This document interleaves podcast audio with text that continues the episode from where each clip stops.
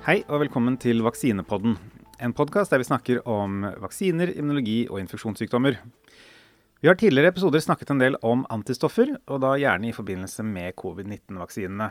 Men i dag tenkte vi å ta for oss en litt annen del av immunforsvaret vårt, nemlig voktercellene og T-cellene. Dette er også celler som spiller en viktig rolle ved eh, beskyttelse mot covid-19, og det skal vi da komme nærmere inn på etter hvert. For å hjelpe oss med å forstå hvordan disse cellene fungerer, så har vi i dag med oss Ranveig Bråten og som vanlig Gunnveig Grødeland. og Mitt navn er Even Fossum.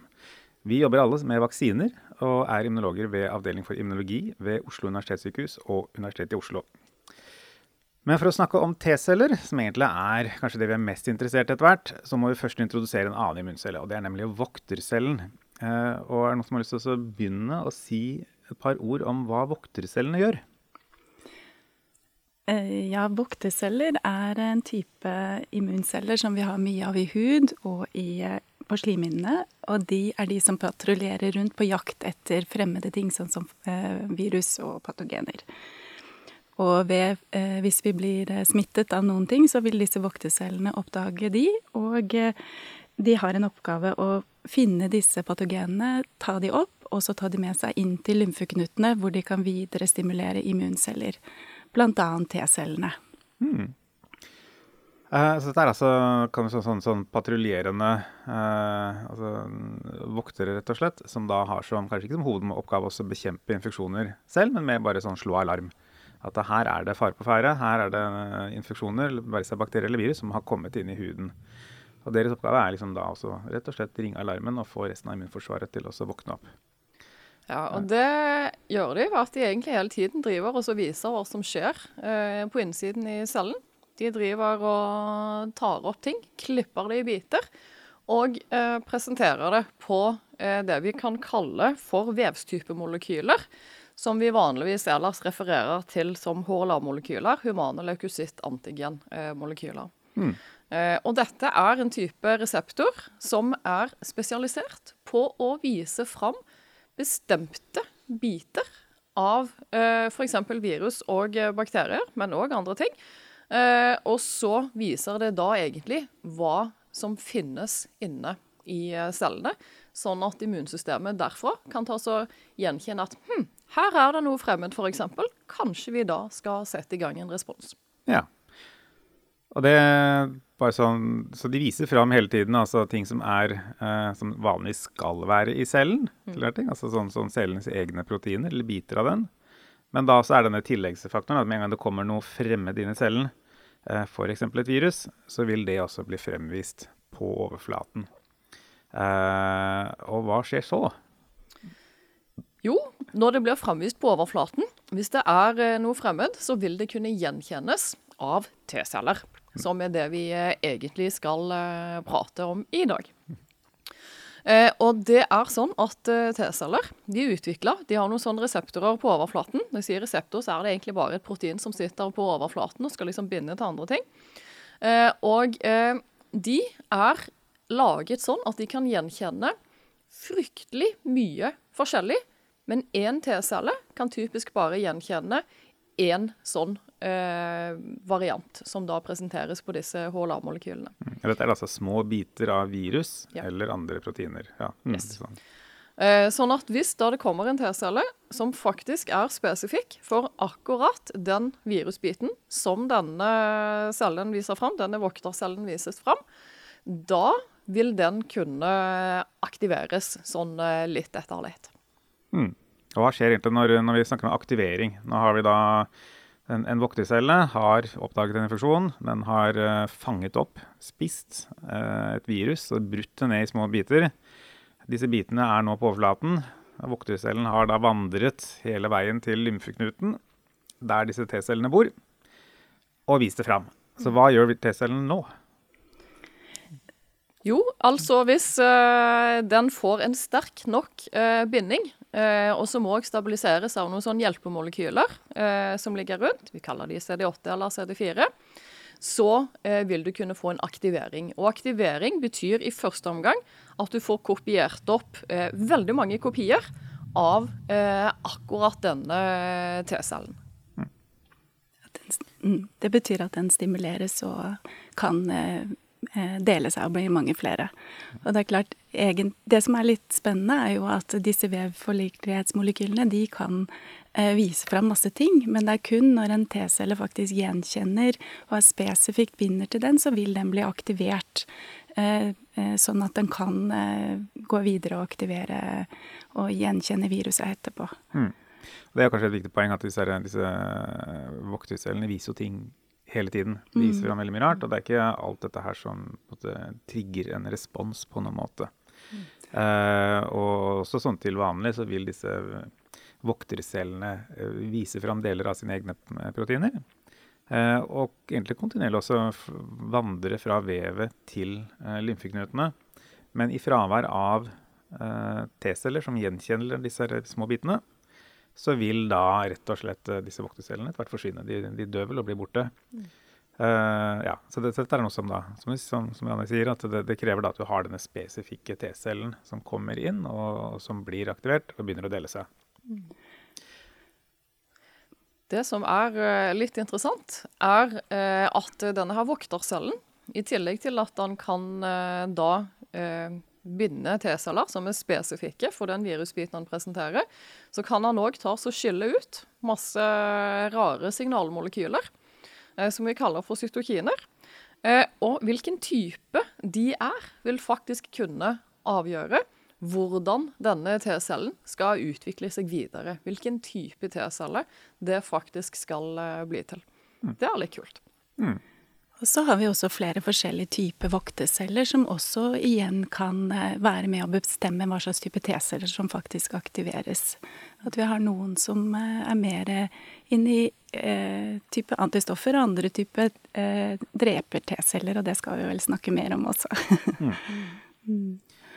Så det er jo en, en, ganske stor del av kontroll egentlig, som ligger i dette her. Eller sånn, hva skal man si, finjustering, om man vil kalle det der disse eh, voktercellene rett og slett bestemmer hva immunresponsene skal bli etter hvert.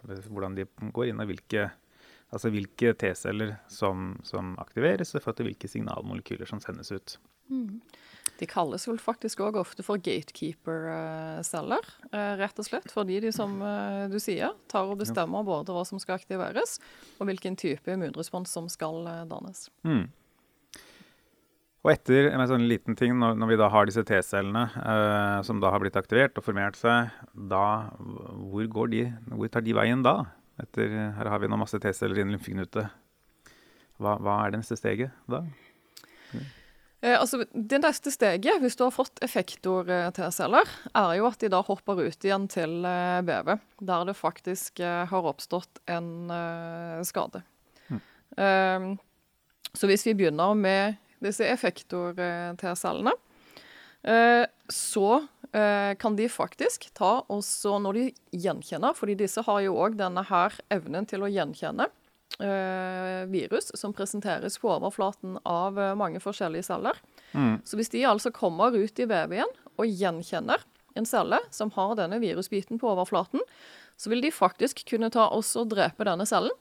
Og det gjør de ved å liksom bore et hull i den og sender inn eh, noen enzymer som tar så chopper opp cellen fra innsiden, og så får du en pen og pyntelig eh, celledød i den cellen som egentlig fungerte som en virusproduksjonsfabrikk.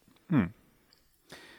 Ja, og T-celler deles vel ofte inn i to store hovedgrupper. Og Gunnveig, nå snakket du om de dreper T-cellene, som faktisk har den evnen til å, å, gå og finne de samme cellene som er eh, infisert av det samme viruset, som de kjenner igjen og faktisk drepe de ved å lage hull. Eh, vi har jo også en annen type T-celler som kalles hjelpe-T-celler. Eh, og de er faktisk veldig spennende og enda mer viktig kanskje for større deler av immunforsvaret. Eh, først så er de også viktig for at vi skal faktisk få stimulert disse dreper-T-cellene. Fordi at de trenger flere signaler for å faktisk bli aktivert til å gå ut i vevet igjen og drepe de infiserte cellene. Og det får de av disse hjelper-T-cellene. Eh, disse hjelper-T-cellene er også veldig aktivt involvert i å lage antistoffer, som vi kjenner veldig godt, og som er veldig viktig. Eh, og uten disse hjelper-T-cellene som også stimulerer B-cellene, så får vi heller ikke eh, laget store mengder med antistoffer mot virus og andre patogener. Mm, og vi får heller ikke lage ut hukommelse. Der er òg de viktige. Ja. Mm.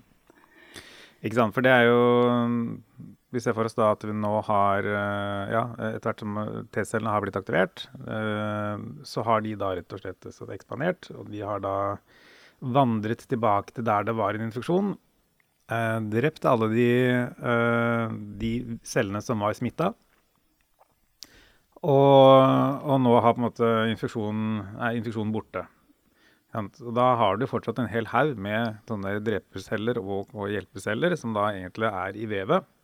Eh, og hva skjer egentlig med de da, som du sier? Det ble nevnt hukommelsesceller her, men Ja, men hukommelsesceller opptrer eller blir dannet på ulike stadier av eh, den prosessen. De blir òg dannet parallelt med at disse eh, effektorcellene som driver og dreper, blir eh, dannet.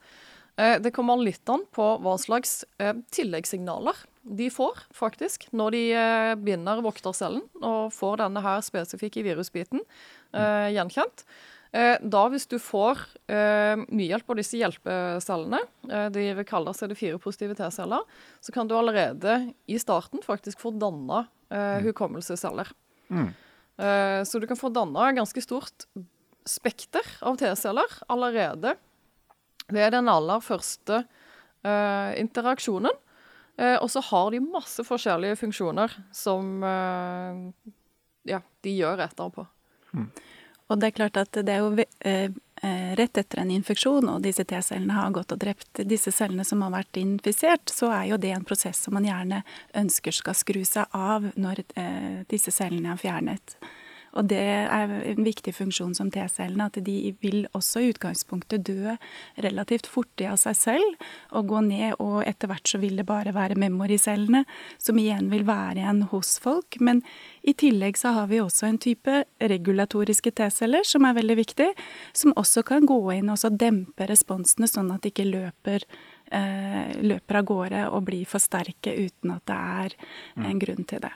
Ja, og De har vi egentlig vært inne på litt i tidligere episoder, disse regulatoriske T-stellene. Fordi et overaktivt immunsystem, det har du ikke lyst på. Du har lyst mm. på en balanse mellom aktivering og demping. Og der er disse regulatoriske T-cellene helt uh, sentrale. Mm. Mm. Nei, ikke sant. Uh, ja. Så kort oppsummert, altså nå, etter at uh, T-cellene har vandret ut fra lymfeknuten, formerte seg, så går de til vevet, tar liv av infeksjonen, egentlig. Den, er de, de virusinfiserte eller bakterieinfiserte cellene. Og så dør rett og slett T-cellene. De blir borte. Og da får vi på en måte en demping av immunresponsen. Rett og slett fordi du, man ønsker ikke å ha alle disse aktiverte T-cellene. De, de, fungerer jo litt som sånn at de Det er jo ikke snakk om å helbrede disse cellene som da er smittet. De, de blir enkelt og greit bare tatt livet av for å rett og slett redde de nærliggende cellene. Og det er måten de gjør dette på, som, som Gunnar nevnte, med å bore hull i, i membranen. Litt av utfordringen her er at de, hvis man har veldig mye T-celler eh, et sted, så kan man også få eh, den situasjonen der rett og slett eh, også friske celler eh, ender opp med å stryke med, fordi disse T-cellene de, de, er ikke alltid de kan, de kan, bli litt overivrige, hvis man skal kalle det det. Yep. Og rett og slett uh, i sin iver etter å rydde opp unna virus, så kan de ta liv av uh, også friske celler. Og har man veldig mye av dem, som er veldig aktiverte, så kan det rett og slett føre til ganske omfattende skade på vevet. Og Derfor er det veldig viktig at disse T-cellene etter at de har gjort jobben sin, faktisk forsvinner. Uh, og, og som, som, ble nevnt her, så har vi store deler av immunforsvaret går jo egentlig og rett og slett, eksisterer jo for rett og slett å dempe denne responsen når den første gang er satt i gang. Så du har en eh, del av immunforsvaret som går på å sparke i gang immunresponsen og fjerne infeksjonen. Og så har du en omtrent like stor del av immunforsvaret som da går på å dempe responsen for å sørge for at det ikke blir varig skade på vev. Um, og disse hukommelsescellene som ble nevnt, de vil da bli værende uh, gjerne da i, i lymfeknutene, der de, de holder til, og så venter på neste infeksjon. Og Fordelen med disse hukommelsescellene er jo at de, de, vil være mye raskere på pletten ved en reinfeksjon. At de da har evnen til å dele seg raskere. De er rett og slett mer prima på, eh, på, på dette bestemte viruset eller bakterien det er snakk om. Og ved en reinfeksjon så vil de kunne reagere mye raskere. og altså Raskere komme ut i vevet og begynne å slå ned infeksjonen. Skal vi se en, Ja, vi, vi snakka om dette her med uh, SARS-CoV-2-viruset. Det er jo selvfølgelig, vi har, vi har, vært mye inn på det nå. Um, og kan vi si noe om hvilken rolle uh, T-celler har ved SARS-CoV-2-infeksjon, altså ved, ved covid-19-infeksjonen? Eh, det vi i hvert fall kan eh, starte med å si, at det som er eh, morsomt med de mRNA-vaksinene som vi nå bruker, er at de i motsetning til veldig mange av de eldre vaksinene, faktisk i tillegg til antistoffer er veldig gode til å òg å danne T-celleresponser. Og som vi har vært innom i tidligere episoder, T-celler de binder altså til bestemte virusbiter som presenteres på eh, disse voktercellene. Men eh, disse bitene er ofte likere mellom ulike virusvarianter. Sånn at T-celler har ofte en evne til å eh, drepe virusinfiserte celler mye bredere, og altså gi en bredere type beskyttelse mot eh, SARS-CoV-2-varianter enn det antistoffer kan. Og hvis vi kan være litt tekniske her, så tenkte jeg at det som kanskje kunne være litt interessant å vite, er jo at disse små bitene som T-cellene gjenkjenner, det er en bit av proteinet. Proteinet består jo av en lang rekke med aminosyrer. Og da er det en, bare en liten rekke aminosyrer på sånn 8-12 aminosyrer som brukes til å gjenkjennes av T-cellene. Mens for antistoffer, når de skal gjenkjenne ting, så vil de ofte gjenkjenne en større bit av proteinet. Og dermed så vil de kanskje trenge mer den fulle strukturen av proteinet, slik at det blir en kanskje eh, mer spesifikk ting som antistoffene faktisk skal gjenkjenne. Og det er kanskje en grunn til at noen av T-cellene kan være mer eh, bredt eh, bindende enn kanskje antistoffer, som jo egentlig er ganske morsomt. Ja, det stemmer. Og i tillegg så har du det at antistoffer ofte binder til bestemte biter eller bestemte regioner på mm. proteinet. På spike, gjerne den delen som tar og reagerer med cellene våre. Og det er en del som er mer utsatt for endring enn andre deler av proteinet. Mens disse peptidene som T-cellene gjenkjenner, de kan da finnes fordelt over hele proteinet og steder hvor det er mange færre endringer som er mulige. Og en sånn, eh, sånn som vi snakket om i stad, disse vevforlikelighetsmolekylene kan faktisk binde til flere varianter av det samme peptidet, og allikevel gi god eh, eh, stimulering av T-cellene. Sånn at der er det på en måte en litt rom for at eh, man kan få litt endringer og fortsatt stimulere T-cellene, som kanskje ikke finnes der på antistoffsiden. Mm. Så tanken her må vel da være at disse, altså får man T-celler eh, mot SARS-CoV-2, så vil disse være mer resistente mot mutasjoner. Mm. Eh, nå vaksinerer vi jo kun med dette overflateproteinet. Eh, Spike-proteinet, som det heter. Uh, I hvert fall her i Norge. Uh, ville det vært en fordel å bruke en større del av SARS-CoV-2-viruset for å sette i gang T-celleresponser mot kanskje mer av, av, selve viruset, enn å kun ha immunresponsen fokusert mot spike? Det kunne det absolutt uh, ha vært. Uh, det er en del studier som nå uh, viser at immunsystemet vårt faktisk allerede før man har blitt både vaksinert eller infisert med SARS-CoV-2, så har vi T-celler som kan gjenkjenne ting som finnes i SARS-CoV-2-viruset. Uh, og det er jo fordi vi tidligere har vært eksponert for andre koronavirus som driver og lager forkjølelse i uh, befolkningen. Uh, sånn at det vi ikke vet, er i hvor stor grad de responsene som vi hadde fra før, faktisk kan beskytte mot ny SARS-CoV-2-smitte. Og det vil òg være det som er vanskelig hvis du, som du sier, skal ta og utvide en vaksine til å inkludere andre biter av eh, SARS-CoV-2-viruset enn spike. Du må finne deler som faktisk vil kunne ta, altså gi en beskyttende immunrespons. Eh, så det er i utgangspunktet en god idé, men der er det en del ting som vi rett og slett ikke helt har nok kunnskap om ennå, mm. til å si at det faktisk eh, burde bli laga vaksiner, i dag i hvert fall, som har andre komponenter. Nå er jo også det spike-proteinet plukket til å brukes i vaksine fordi at det er et veldig må godt mål for antistoffer. Fordi at det vil ligge på overflaten av viruset, og dermed så vil jo det være et veldig godt sted som antistoffer kan blokkere for viruset. Det at man fokuserer mer på en T-celleaktivering av vaksine, åpner jo også opp for at det fins mange flere proteiner som kan være gode vaksinekandidater. Som, som normalt ikke uttrykkes på overflaten, men som allikevel kan gi veldig gode eh, T-celleresponser fordi at de kan bli lastet opp på disse vevforlikelighetsmolekylene. Og på den måten være gode kandidater for eh, vaksineantigen. Mm. Det jeg tenker også kan være viktig å minne på, er at selv altså, i best case scenario, så, og det tror jeg absolutt er tilfellet, så vil T-celler kunne gi god og bred beskyttelse mot eh, ikke bare mange typer SARS-CoV-2, men òg andre koronavirus. De vet bare ikke helt hvordan det funker ennå. Men så er det òg sånn at eh, T-celler, som vi nå har snakket om, de kan altså da også drepe celler som viser fram eh, virusbiter på overflaten, men de kan altså ikke hindre viruset fra å trenge inn i cellene. Det er det bare antistoffene som kan. og Derfor er det også viktig å i utgangspunktet prøve å lage antistoffer som kan hindre at du blir smitta i det hele tatt. Og så er liksom T-cellene et underlag som øker beskyttelsen og bidrar til den beskyttelsen. Mm. Så det du sier nå er egentlig at en helt nøytraliserende vaksine er også helt avhengig av antistoffer. Du kan ikke få det med en T-cellevaksine. Presist. Ja.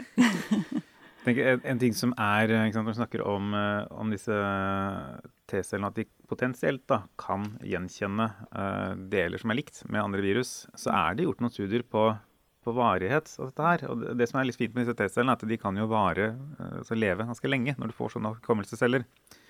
Så det, var, det, kom jo noen studier sånn ganske tidlig i pandemien der folk hadde sett på rett og slett personer som hadde gjennomgått den første SARS-infeksjonen tilbake i 2003. Mm. Og fant at uh, disse personene hadde jo fortsatt faktisk T-celler. Mm. Som, som, da kunne aktiveres. Så her har man da 17 år senere så har man uh, T-celler som da potensielt sett kan bidra til beskyttelse da mot SARS, det første SARS-viruset. Hvorvidt disse var i stand til å kryssreagere, som man kaller det, mot dette SARS-CoV-2, eh, var vel ikke like klart. Men, eller i hvert fall ikke om det kunne gi noe særlig beskyttelse mot det. Mm. Eh, men det viser i hvert fall at det, det å få får du på en måte et bredt grunnlag av T-celler, så kan det være et godt fundament da, for beskyttelse egentlig en god stund fram i tid. Ja, eh, vi vet fra andre infeksjonssykdommer som influensa at du òg er avhengig av å på en måte reaktivere disse T-cellene med jevne mellomrom, som hvert eh, andre-tredje år.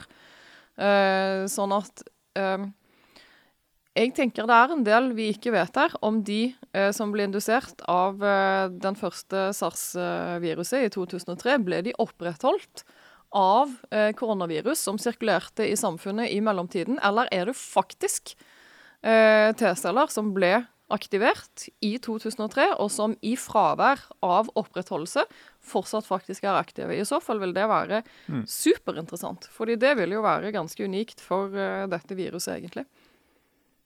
Ja, altså, Vi vet jo fra tidligere at det er altså, Vi har noen studier fra uh, forskere oppe på, oppe på Patologisk institutt her ved Rikshospitalet, som har sett på den varigheten av T-celler, og som også da har sett at de faktisk kan leve veldig lenge. At du da, spesielt, Dette er vel da T-celler i tarm mm. som de har fokusert på. Men da, de kan da eh, holde ut i, i, ganske lang tid. Eh, og det er vel snakk om tiår til disse her kan potensielt leve. Så um, at de har en eh, Men det som, som, du sier, da, at det er vanskelig å vite om, om de tilfellene her eh, med SARS, første SARS-viruset, om det har vært en, en grad av restimulering i mellomtiden. Og det er jo egentlig greit, det. Sånn, det vi vet fra før, er at vi, vi, blir jo gjerne smittet på nytt med koronavirus jevnlig. Så, og en sånn eh, gradvis sånn resmitte av disse vanlige forkjølelsesvirusene, om det er med å opprettholde en sånn, disse T-cellene, så er jo det vil jo det være en, en, en god måte også å uh, forlenge beskyttelsen på.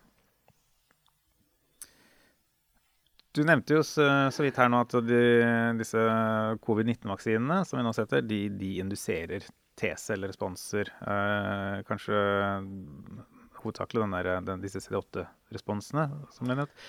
Men, men, hva vet vi egentlig? Altså, vi har vel etter hvert kommet til en god del studier der mm. folk har sett på responser hos folk som er blitt vaksinert. Og hva vet vi egentlig om dannelse av T-celler etter vaksinering? Ja, altså Når vi prater om T-celler, så snakker vi veldig ofte om nettopp disse her eh, cellene som kan eh, drepe eh, celler som er infisert av virus. Og Det er fordi de har en så klar og forståelig funksjon, og som er eh, lett å formidle. Men eh, etter vaksinering så er det jo sånn at man faktisk får eh, aktivert ganske mange typer av T-celler. Og hvis vi går litt tilbake, så kan vi grovt ta og dele de inn i to typer. Det kan vi si er CD4, og så er det åtte positive T-celler. Nå blir vi litt sånn tekniske her. men det er rett og slett basert på eh, hvilke vevstype vevstypemolekyler disse T-cellene er i stand til å gjenkjenne virusbiter på. Eh, og eh, disse drepecellene, de som kan drepe virus, det er sånn type eh, CD8 eh, T-celler. Mens hvis vi i stedet tar og ser på disse som vi kaller CD4, positive T-celler, så er de svært viktige for en rekke funksjoner som er litt mer sånn diffuse å forklare, egentlig. Eh, fordi de kan veldig enkelt kalles for eh, hjelpeceller. Ja, og disse hjelpecellene er jo de som gjenkjenner eh, peptider fra proteiner på sånne spesielle vokterceller som vi også snakket om i starten. Uh, og det er ikke alle cellene som er disse voktescellene, og de har da en litt annen variant med vevsforlikelighetsmolekyler som gjør at de blir litt forskjellige, uh, og som er viktig da for aktiveringen av disse hjelper-T-cellene. Ehm, eh, og det som er veldig spennende, er en undergruppe Eller vi snakket om i stad at det var undergrupper av disse hjelpecellene som var viktig for aktivering av de CD8 positive cytotoksiske T-cellene. Men også en undergruppe som er veldig viktig for å stimulere B-cellene for å starte med å lage antistoffer. En annen spennende hjelper-T-cellegruppe er de follikulære hjelpecellene som er eh, viktig for videre affinitetsmodning av antistoffene. Her tror jeg vi må ta oss og prøve å snakke litt om hva denne affinitetsmodningen eh, er. Der, her kom det mange begreper på én gang.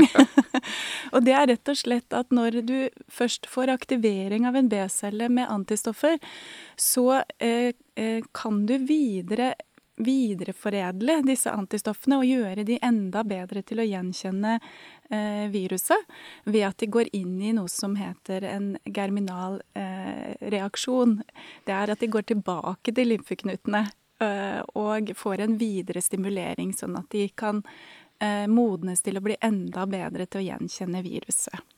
Ja, Så det går gjennom flere runder med utvelgelse, egentlig, i dette germinalsenteret som du snakker om, hvor hele tiden de antistoffene som binder sterkest til eh, viruset, blir selektert og så videreutvikla, sånn at man blir stadig bedre på å blokkere eh, viruset etter denne prosessen som ble initiert av disse follikulære T-hjelpecellene. Ja. Og her er disse follikulære eh, hjelpecellene veldig viktige. Mm. Og det er jo noe som eh, også ses etter den eh, RNA-vaksina for SARS-CoV-2. Mm. Mm. Så alt tyder på at disse vaksinene faktisk de, de setter i gang et, et bredt, en bred respons bestående av egentlig drepeceller som kan ta livet av virusinfiserte celler. Vi har disse hjelpecellene som kan eh, hjelpe til å sparke i gang eh, B-cellene og hjelpe til med, med, affinitetsmodning, som ble nevnt her. Altså denne, denne seleksjonen av de enda bedre antistoffer. Uh, og da selvfølgelig som resulterer i, i veldig sånne gode antistoffresponser til slutt, som da kan nøytralisere viruset. Vet vi noe, Det er jo flere forskjellige vaksiner som er der ute. Uh, her i Norge så gis jo kun disse mRNA-vaksinene nå. Ehm, men, men, vi har jo disse adenovirusvariantene som, som gis i enkelte land. Og det er også flere vaksiner som er uh, under utvikling eller på vei. Enten det da er sånne såkalt subenhetsvaksiner, der bare dette spike-proteinet gis uh, som protein selv, eller om det da er inaktiverte vaksiner. Uh, der rett og slett SARS-CoV-2-viruset rett og slett er tatt livet av. Og man gir et dødt virus som setter i gang immunresponser. Um, er det noe, vet du noen forskjeller her? Er det noe når det kommer til, til dannelse av disse T-cellene? Ja, nå er det jo ingen som har publisert direkte sammenlignende studier av eh, vaksinene, for det gjøres ikke. Men eh, det vi vet, er at spesielt disse adenovirale vektorene de er eh, svært gode når det gjelder å danne brede og gode T-celleresponser spesielt.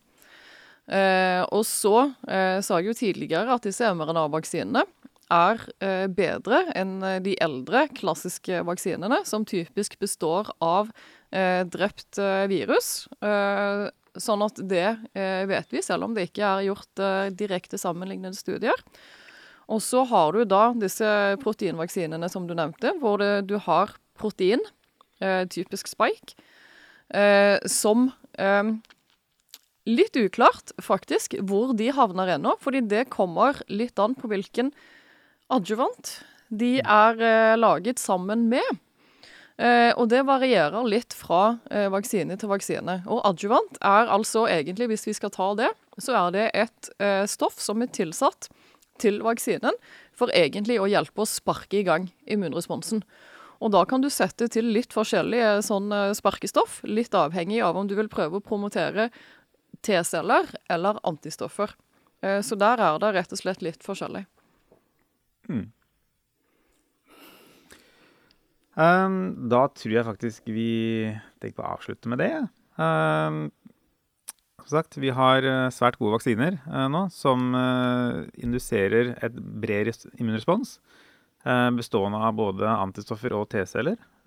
og som faktisk resulterer i en svært god beskyttelse mot infeksjon. Så det skal vi være veldig glad for. At uh, vi i løpet av relativt kort tid faktisk har klart oss å komme fram til så, såpass effektive vaksiner. Um, tusen takk til Morten Skoglund ved seksjon for medisinsk informatikk for uh, teknisk produksjon i dag. Og takk til Ranne Bråten for at du var med og hjalp oss uh, å besvare disse spørsmålene. Og takk til dere som føl fulgte med.